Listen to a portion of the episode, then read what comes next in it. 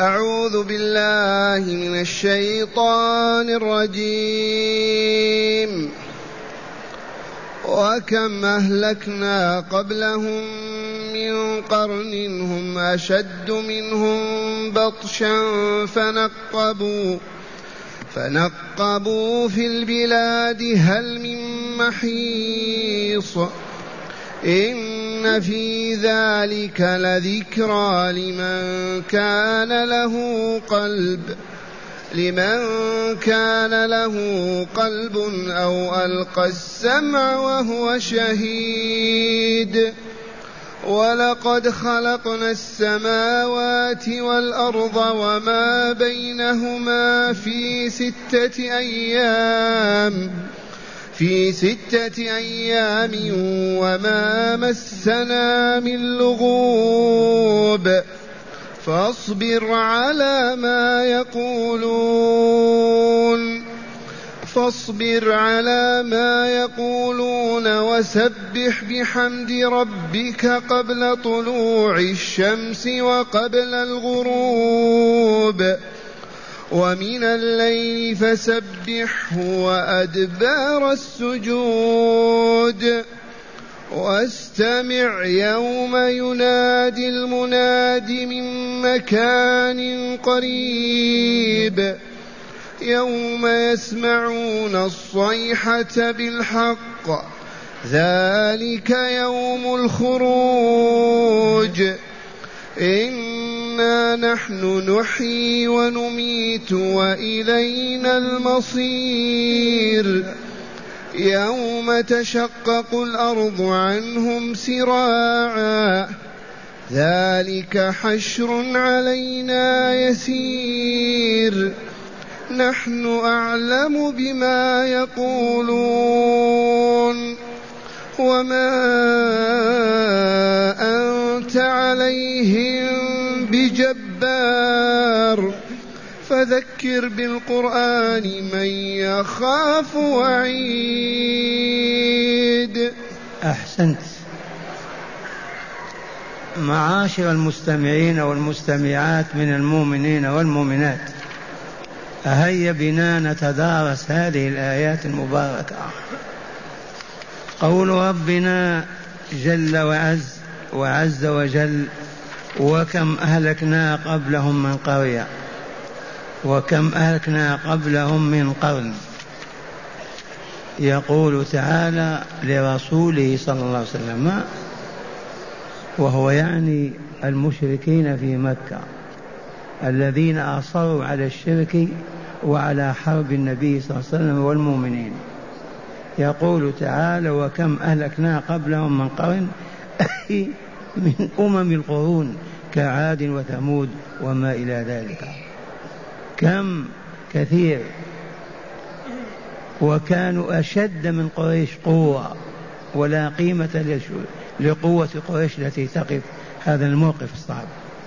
وكانوا أشد من قوة فنقبوا في البلاد. لما جاء وعد الله بإهلاكهم وتدميرهم صاحوا وهربوا تاهوا في البلاد يبحثون عن المخرج وما خرجوا. والله ما نجوا وأهلكهم الله. فنقبوا في البلاد. هل من محيص مكان نهرب إليه ونلجأ؟ ما فيه أهلكهم الله. فليتعظ إذا أهل مكة. وليذكروا هذا.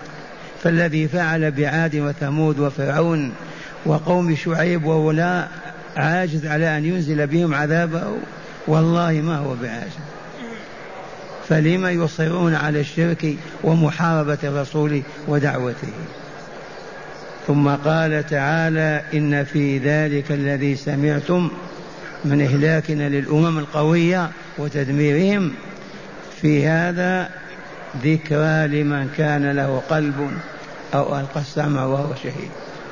والذكر الموعظة والعبرة. من هو الذي يحصل على هذه الذكرى في هذه الآيات؟ من كان له أولا قلب حي أي مؤمن مؤمن بالله ولقائه محمد ورسالته. ثانيا يلقي سمعه ويسمع في صدق لما تتلو عليه الآيات. ثالثا أن يكون حاضر الحواس شاهد بها كلها. لا يغيب عنه أذن ولا عين ولا يد ولا رجل مستعد للسماع بكامله هذا الذي له القلب الحي والذي يلقي سمعه ويطرحه أمام الرسول وهو يوحي إليهم وهو يتكلم ويحظو بكل حواسه ويشهدها هذا له ذكر في هذا. أما الذي لا قلب له ولا يلقي بسمعه ولا يحظو بأحاسيسه هذا ما في ذكر له. وكم أهلكنا قبلهم من قرن هم أشد من قوة أشد من بطش فنقبوا البلاد هل من محيص أبدا. إن في هذا الذي سمعتم لذكرى أي موعظة. وعبرة لمن؟ لمن كان له قلب أو ألقى السمع وهو شهيد. ثم قال تعالى وقوله الحق ولقد خلقنا السماوات والأرض وما بينهما في ستة أيام وما مسنا من لغوب واللغوب النصب والتعب أبدا. فالذي هذا فعله يخلق السماوات الأرض السبع وما بينهما في ستة أيام ولا يتعب ولا يصاب بنصب ولا غب. هذا يعجز عن إحيائكم بعد موتكم لأنهم كانوا ينكرون البعث ويكذبون به. والآيات المكية أكثر في هذا. ما آمنوا أنهم يبعثون أحياء يوم القيامة ليحاسبوا على أعمالهم في الدنيا ويجزوا بها. وهذا المعتقد دائما نقول إذا فقده الإنسان أصبح شر الخليقة. لا يوثق فيه ولا يعول عليه ولا يرجى منه خير أبدا. الذي يفقد الإيمان بالبعث والدار الآخرة. أما المؤمن بأنه سيبعث حيا وسيحاسب على عمله وسيجزى به. هذا المؤمن كله خير. ولا يواصل الإجرام والفساد أبدا. وفاقد هذا المعتقد شر الخلق.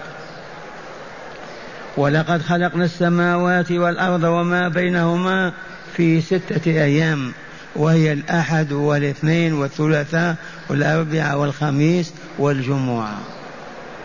والجمعة. فلهذا كان يوم الجمعة أفضل الأيام لأنه يوم انتهى فيه خلق السماوات والأرض. إلا أن اليهود عليهم لعائن الله ويعاندون ويكابرون قالوا تعب لما كمل الخلق يوم الجمعة واستراح يوم السبت فهيا نستريح يوم السبت وهم يستريحون السبت لجهلهم عمى قلوبهم. الذي يخلق السماوات والأرض وما فيهما وما بينهما. في ستة أيام يقول يعيا يصاب بالتعب ويستريح. أسألكم بالله. ولكن العناد المكابرة والحفاظ على الجهل الذي يعيشون عليه. فلهذا قال تعالى ولقد خلقنا السماوات والأرض وما بينهما في ستة أيام وما مسنا من لغوب كما يقول اليهود ويقولون استراح يوم السبت. فلهذا يجب أن لا تستريحوا أيها العمال يوم السبت وإلا اقتديتم باليهود. نحن حتى الجمعة ما نستريح بها. ما لنا إلا أن نغتسل ونصلي الجمعة ونعمل يومنا. ثم قال تعالى وقوله الحق فاصبر على ما يقولون. أمر الله تعالى رسوله صلى الله عليه وسلم أن يصبر على ما يقوله اليهود والكافرون والمشركون والظالمون. هذا يسب وهذا يشتم هذا يكذب وهذا ينكر. ماذا يفعل رسول الله صلى الله عليه وسلم؟ ما عليه إلا بالصبر فقط. فاصبر يا رسولنا على ما يقولون. واستعن على الصبر بما يلي وسبح بحمد ربك قبل طلوع الشمس وقبل الغروب ومن الليل فسبحوا وإدبار وأدبار السجود.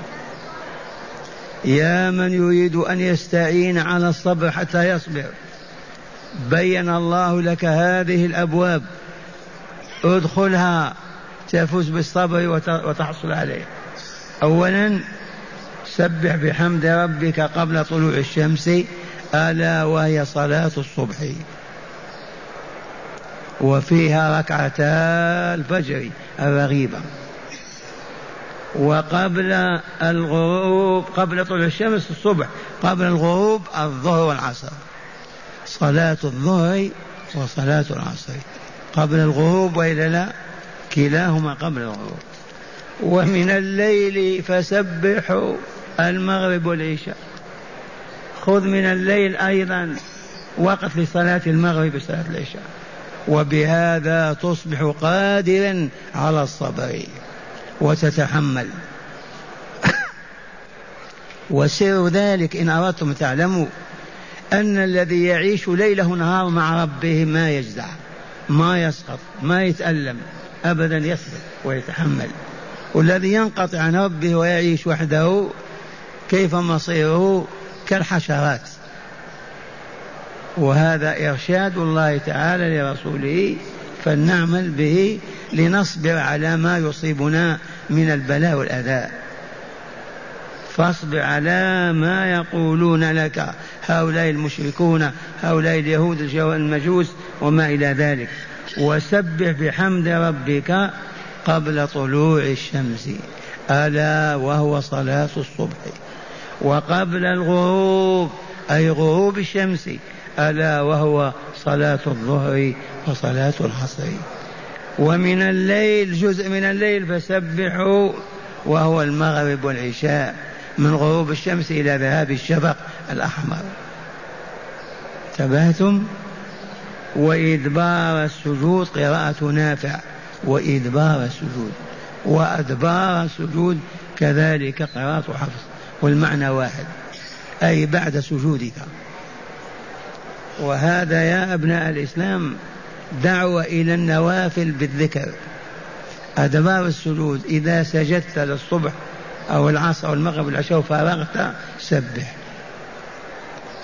الوارد أن تقول السلام عليكم بعدما تسلم اللهم أنت السلام ومنك السلام.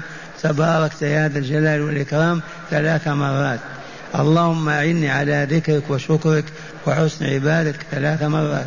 لا إله إلا الله وحده لا شريك له له الملك الحمد على كل شيء قدير. كذلك مرة أو مرتين. اللهم إنه لا مانع لما أعطيت ولا معطي لما منعت ولا ينفع ذا الجد منك الجد. لا إله إلا أنت سبحانك إني كنت من الظالمين. ثم تسبح الله ثلاثة وثلاثين مرة. سبحان الله سبحان الله سبحان الله. وتحمده ثلاثة وثلاثين مرة. الحمد لله الحمد لله الحمد لله. ثم تكبره ثلاث وثلاثين مرة. الله أكبر الله أكبر الله أكبر. وتختم المئة بلا إله إلا الله. وحده لا شريك له له الملك وله الحمد وهو على كل شيء قدير. تقرأ آية الكرسي دبر كل صلاة والله لمن التسبيح لله والتقديس. آية الكرسي من سورة البقرة دبر كل صلاة. ثم الصلاة على النبي صلى الله عليه وسلم على الأقل خمسة وعشرين مرة بعد دبور كل صلاة حتى تختم المئة في كل يوم. ثم قراءة قل هو الله أحد والمعوذتين دبر كل صلاة وهو من الذكر والتسبيح إلا أن بعد الصبح تقرأ ثلاث مرات وبعد المغرب كذلك ثلاث مرات. والتسبيح سبحان الله وبحمده سبحان الله وبحمده في الصباح مئة مرة في المساء مئة مرة لا إله إلا الله وحده لا شريك له له الملك الحمد على كل شيء قدير مئة مرة. وغير ذلك الوارد في السنة الثابت عن رسول الله صلى الله عليه وسلم. وهكذا يرشد الله رسوله وأمته. وإدبار السجود. ما تسلم السلام عليكم وتقوم. تجري إن كان لك شيء يجري وأنت تسبح. هكذا يرشد تعالى رسوله والمؤمنين فيقول فاصبر على ما يقولون وسبح أي واستعن على ذلك وسبح بحمد ربك قبل طلوع الشمس وقبل الغروب. ومن الليل فسبحوا أيضا وأدبار السجود. ما معنى وأدبار السجود؟ وبعد الصلوات الخمس. عرفتم أوقات الصلاة؟ صلاة الصبح الظهر العصر المغرب العشاء. والآيات مكية والصورة مكية. ثم قال تعالى واستمع يوم ينادي المنادي من مكان قريب. يوم يسمعون الصيحة بالحق ذلك يوم الخروج. كذا. واستمع أيها المستمع. هذا ليس خاصا بالنبي صلى الله عليه وسلم بكل إنسان يعقل واستمع ماذا؟ يوم ينادي المنادي ألا وهو إسرافيل. ينزل على صخرة بيت المقدس وهي صخرة قريبة من السماء في وسط الأرض. وينادي أيتها العظام البالية اللحوم الممزقة الشعور المتفرقة يأمركم الله بأن تجتمعنا لفصل القضاء. واستمع يوم ينادي المنادي من هذا المنادي؟ إسرافيل عليه السلام. أين يوجد وينادي؟ على صخرة بيت المقدس. وهي قريبة من السماء وفي وسط الأرض ينادي أيتها العظام الناقرة البالية اللحوم الممزقة الشعور المتفرقة. اجتمعنا لفصل القضاء بينكم يوم القيامة. واستمع يوم ينادي المنادي من مكان قريب يوم يسمعون الصيحة بالحق ذلك يوم الخروج. هذه النفخة الثانية. يوم ما تتلائم الأجسام ويتم, ويتم خلقها كما كانت وأعظم مما كانت ينادي إسرافيل أيضا وينفخ نفخة أخرى فإذا هم من القيام من القبور قيام ينظرون. فإذا هم من الأجداث أي القبور إلى ربهم ينسلون يوم يسمعون الصيحة بالحق ذلك يوم الخروج أي من قبورهم. التي تم فيها خلقهم وتكوينهم أعظم مما كانوا. واستمع أيها السامع يوم ينادي المنادي من هذا المنادي؟ إنه إسرافيل عليه السلام أحد الملائكة الأربعة جبريل وميكائيل وعزرائيل وإسرافيل. هذا موكل بالنفخ في الصور فقط ذي مهمته. هكذا يقول تعالى واستمع يوم ينادي المنادي من مكان قريب. عرفت المكان القريب من السماء؟ ألا سخرت بيت المقدس. يوم يسمعون الصيحة أي النداء الثاني؟ نفخة إسرافيل الثانية. ذلك يوم الخروج من القبور إلى الحساب والجزاء بين يدي الله تعالى. هذا كله تقرير لعقيدة البعث والجزاء التي أنكرها الملايين ليواصلوا إجرامهم وفسقهم وفجورهم. وقد قلت والله إن امرؤا إنسان ذكر أنثى لا يؤمن بالبعث الآخر والجزاء لا يوثق فيه ولا يعول عليه وكله شر. أما شخص يؤمن بالبعث الآخر والجزاء والحساب على الدنيا والله لا يكون من أحسن الناس. ما يظلم ولا يفجر ولا يفسق أبدا. ولهذا أصر المشركون والكافرون إلى اليوم على أن لا بعث لا حياة بعد هذه من أجل أن يواصلوا الفجور والظلم والشر والخبث والفساد حتى ما يقفوا عند حد من الحدود.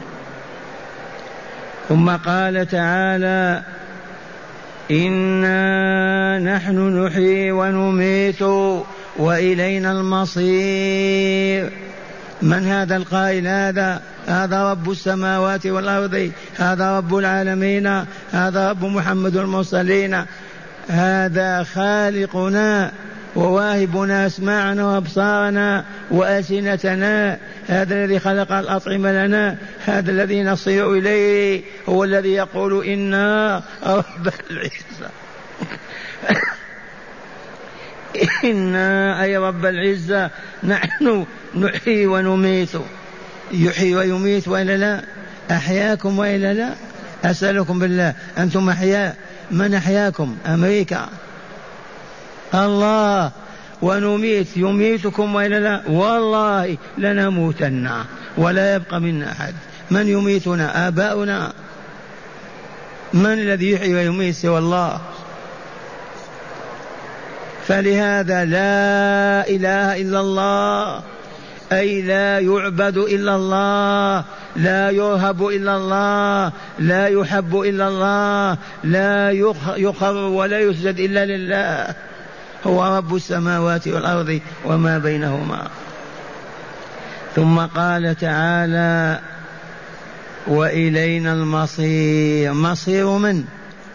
مصير الإنس والجن. مصيرنا هو ما هو؟ أن نعود إليه. نصير إليه. أحيانا أليس كذلك. ويميتنا ثم يجمعنا بين يديه. فنصير إليه. وبين يديه وإليه المصير وإلينا المصير. ثم قال تعالى يوم تشقق الأرض عنهم سراعا. بيان كيف نصير إلى الله. بين لنا. قال يوم تشقق الأرض عنهم سراعا. تشقق الأرض ويخرجون من القبور وإلا لا؟ سراعا. ما في تماطل ولا ولا يوم تشقق الأرض عنهم سراعا ذلك حشر جمع علينا سهل ويسير. وكيف لا؟ وهو يقول الشيء كن فيكون فقط. ذلك حشر ما هو بصعب أبدا علينا بل يسير. نحشرهم كلهم في ساحة واحدة. ألا في ساحة فصل القضاء بين يدي الرب تعالى. واعلموا أنكم ستقفون فيه. ويوم تشقق الأرض عنهم سراعا ذلك حشر علينا يسير. ثم قال تعالى نحن أعلم بما يقولون. هؤلاء السفهاء الكافرون المشركون المكذبون بالنبوة بالبعث الآخر بالتوحيد على عهد الرسول وإلى اليوم. ونحن أعلم ما يقولون الآن يقولون العلمنة العلمانية المادة فقط. ما في بعث ولا جزاء ولا حساب ولا ولا اشرب الخمر وغني ولا تبالي.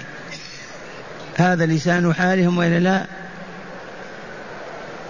الله يعلم ما يقولون.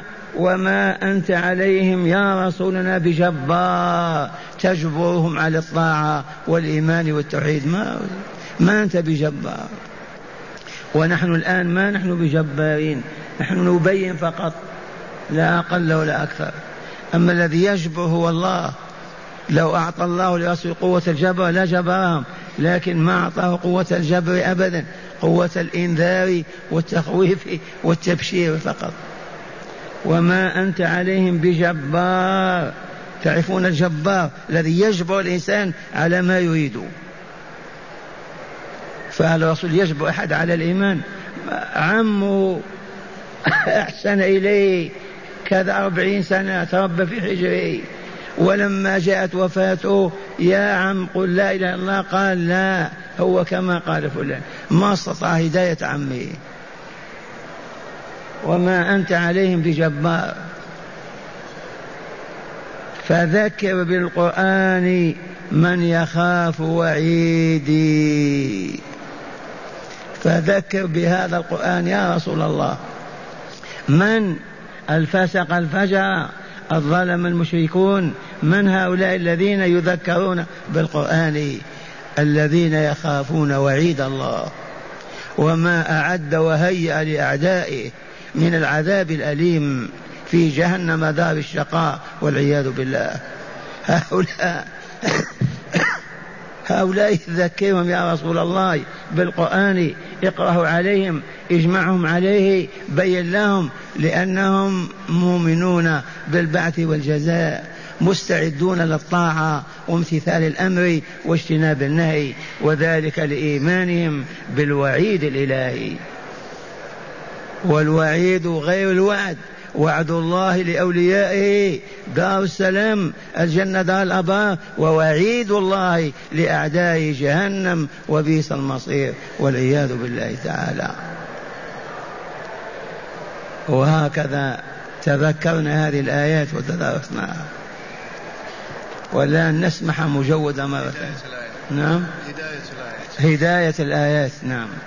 بسم الله والحمد لله والصلاة والسلام على رسول الله صلى الله عليه وسلم.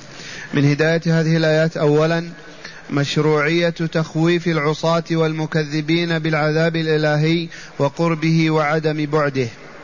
من هداية هذه الآيات أول هداية ما هي؟ مشروعية, مشروعية تخويف وتهديد المكذبين والمنكرين تخويفهم بالبعث بالعذاب في الدنيا والآخرة. نعم. ثانيا للانتفاع بالمواعظ الشروط. أن يكون للانتفاع بالمواعظ التي نتعظ بها شروط. ما هي؟ أن يكون السامع ذا قلب حي واع. السامع ذا قلب. وأن يلقي بسمعه كاملا. وأن يلقي بسمعه كاملا وقلبه حاضر هناك. وأن يكون حاضر الحواس شهيدا. الحواس كلها. تبهتم ما هو يلتفت يمينا وشمالا هذا الذي يتعظ بالآيات ويستفيد منها. نعم. ثالثا وجوب الصبر والاستعانة على تحقيقه بالصلاة. ثالثا وجوب الصبر. يا عباد الله اصبروا إن الله مع الصابرين. الصبر ضرورة. وهو أن نصبر على طاعة الله. ما نخرج عن طاعته. لا نفسق ولا نفجر. لا نظلم ولا نعتدي. لا نكذب ولا نخون ولا ولا. ونقيم الصلاة ونؤتي الزكاة ونعبد الله ونستعين على هذه العبادة بما بين تعالى. كيف نستعين بالصبر؟ بالصلاة. بالصلاة في أوقاتها. الخمس نعم. رابعا مشروعية الذكر والدعاء بعد الصلاة فرادى لا جماعات. من هداية هذه الآيات مشروعية الذكر والدعاء بعد الصلوات فرادى لا جماعات. فالمبتدعاء يجتمعون على الذكر والدعاء جماعات بعد الصلاة وهذه بدعة. ما فعلها الرسول صلى الله عليه وسلم ولا أصحابه ولا قال بأئمة الإسلام. وإنما تذكر منفردا وتدعو منفردا. سلمت من الصلاة ابدأ في الذكر. فرغت ارفع يديك وادعو. أما الجماعة بصوت واحد ما ورد بعد الصلاة أبدا. قال شيخ في النار في الصحيح عن جرير بن عبد الله البجلي قال كنا جلوسا عند النبي صلى الله عليه وسلم إذ نظر إلى القمر ليلة البدر فقال أما إنكم سترون ربكم كما ترون هذا القمر لا تضامون في رؤيته. ألا اسمعوا هذا الحديث العظيم في الصحيح. وهو يقول الراوي من الصحابة كنا جلوسا عند النبي صلى الله عليه وسلم. وإذا به يقولنا انظروا القمر وكان القمر كالليلة كالبدر. فقال إن أما إنكم أما سترون إنكم ربكم. سترون ربكم كما ترون هذا القمر ليلة البدر لا تضامون في رؤيته. تبعتم ثم؟ ثم قال فإن استطعتم ألا تغلبوا على صلاة قبل طلوع الشمس أيوة. وقبل غروبها فافعلوا ثم ختم هذه الموعظة بقوله إن استطعتم أن لا تفوتكم صلاة الصبح ولا صلاة الظهر والعصر فافعلوا لأنكم سوف ترون ربكم والله. وتقفون بين يديه. إذا أنتم مقبلون على الله. كيف تعصونه؟ ما الطريق الذي يساعدنا على طاعة الله؟ الصلوات الخمس والذكر والدعاء بعدها. ثم قرأ جرير وسبح بحمد ربك. أيوة. خامسا مشروعية تقرير البعث وتفصيل مبادئه.